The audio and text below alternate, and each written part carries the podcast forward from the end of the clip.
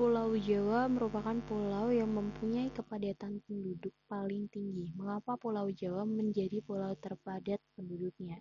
Pulau Jawa menjadi pusat pemerintahan dan perekonomian negara, sehingga banyak penduduk yang tertarik untuk tinggal di wilayah ini. Kepadatan penduduk yang terjadi di Pulau Jawa dapat dijelaskan dengan dilihat dari faktor geografis, khususnya pada faktor fisik yang berupa tanah yang subur dan faktor sejarah.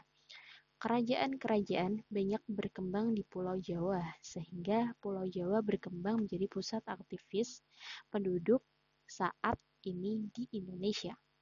Apabila suatu daerah mulai dipadati oleh penduduk, maka banyak perubahan sosial budaya yang terjadi. Misalnya, keramah tamahan menurun.